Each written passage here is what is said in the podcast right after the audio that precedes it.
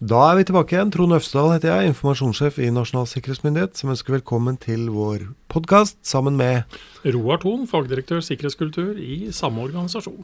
Og nå, Roar, nå skal vi oppsummere året som har gått ved Ja. sikkerhetsåret.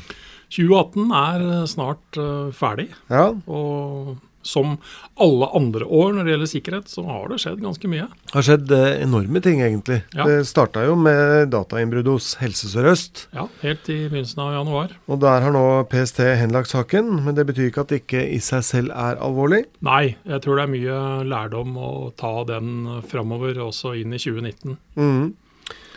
Og så har vi da flere selskaper som eh, har kommet inn i denne kvalitetsordningen som vi har. Kan du si litt om den, kanskje? Ja, altså vi har en eh, på mange måter litt sånn eh, Det er jo ikke sertifisering, men vi kaller det en kvalitetsordning for selskaper som kan bistå med det vi kaller hendelseshåndtering når det har skjedd ting. Som Ja. f.eks. da i en sånn Helse Sør-Øst-perspektiv. Når man har opplevd dataangrep, Ja.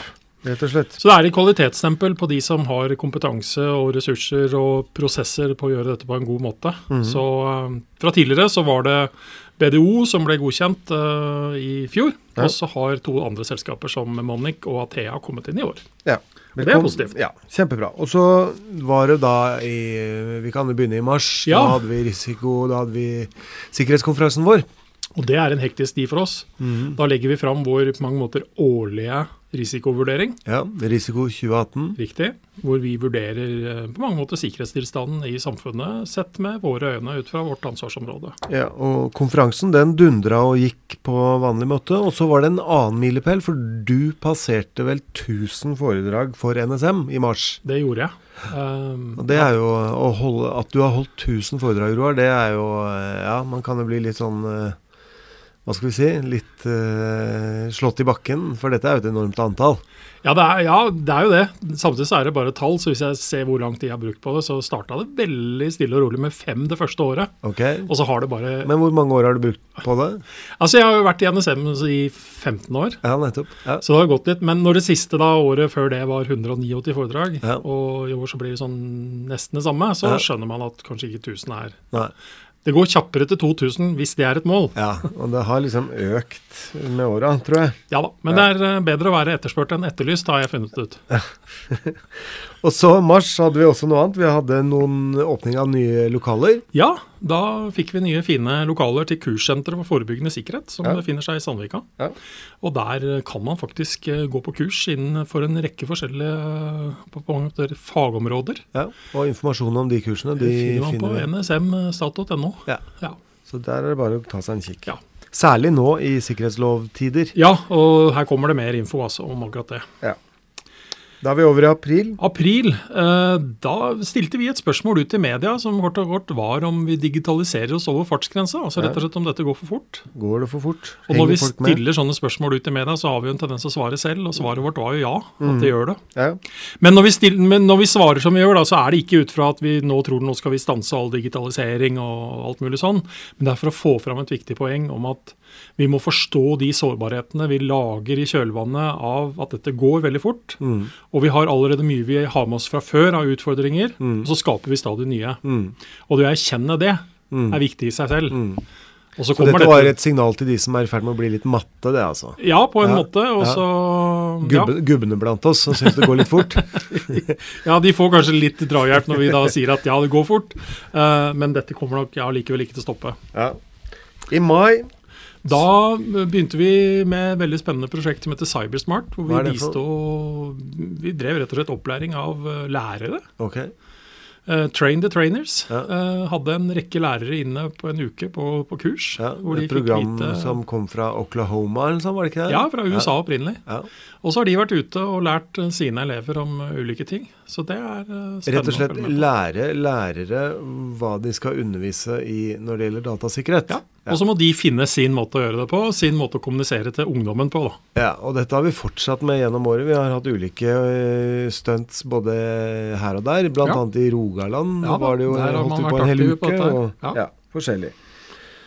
Så er vi over i juni. Ja, da kom vi med en uh, veldig viktig rapport, mener vi. eh, En temarapport om tjenesteutsetting. Ja. Altså outsourcing har jo vært i, Ja, i skuddet de siste åra når det er gjelder sikkerhet. Ja. Ja.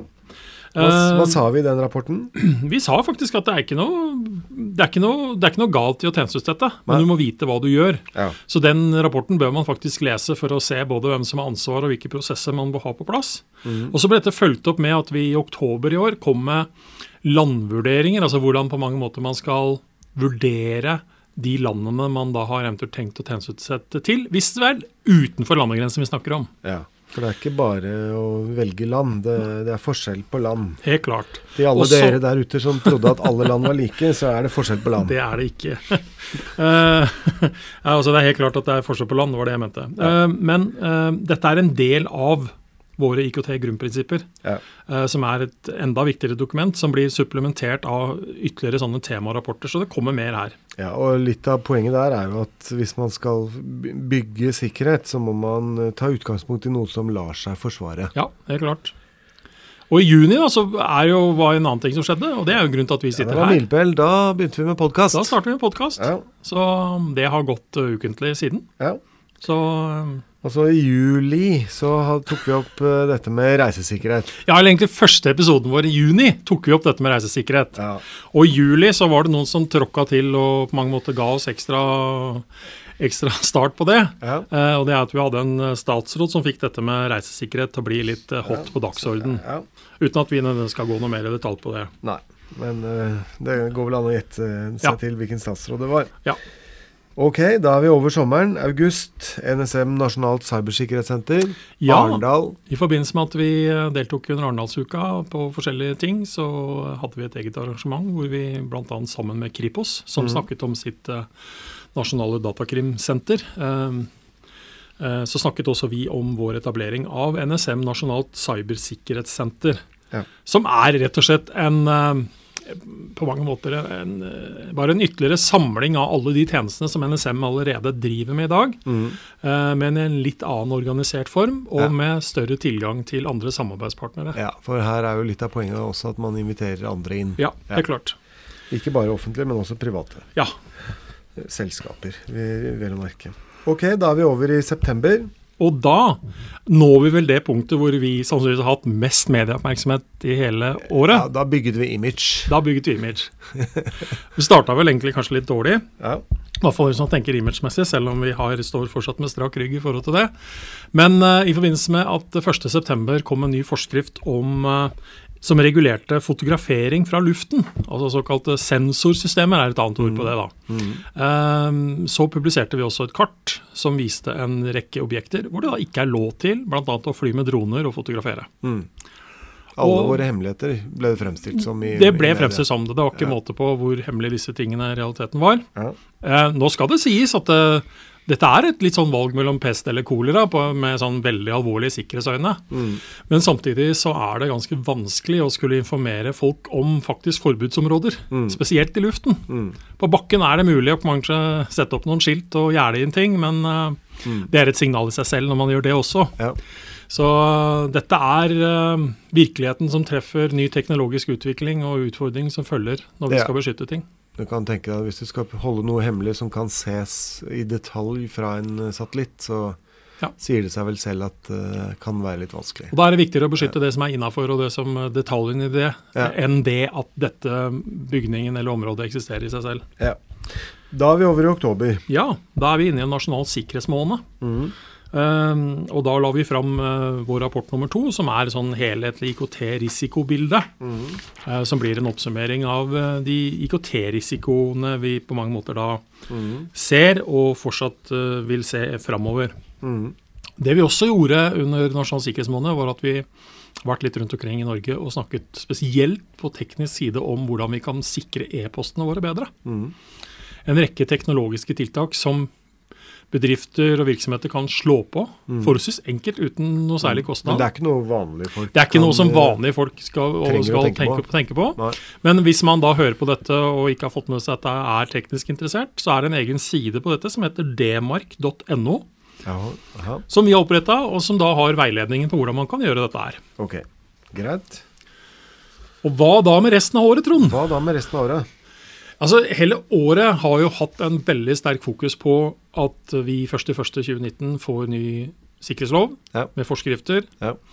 Så vi har fantastisk mange kolleger som har vært involvert i det. Og det sprengjobbes det med fortsatt? Det gjør det fortsatt, for det skal skrives veiledninger og, og- en ja. rekke forskjellige ting. Mm. Så det er mange som har jobbet med dette her hele året. Mm.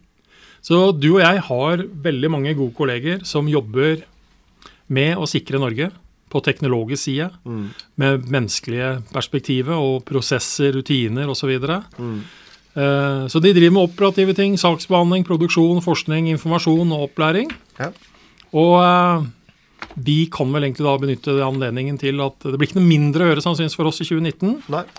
Men uh, vi kan ønske både kolleger og lyttere en riktig god jul God jul. og et godt nyttår. Ja, det gjør vi. Takk for det oss. var det for oss. Hei, hei.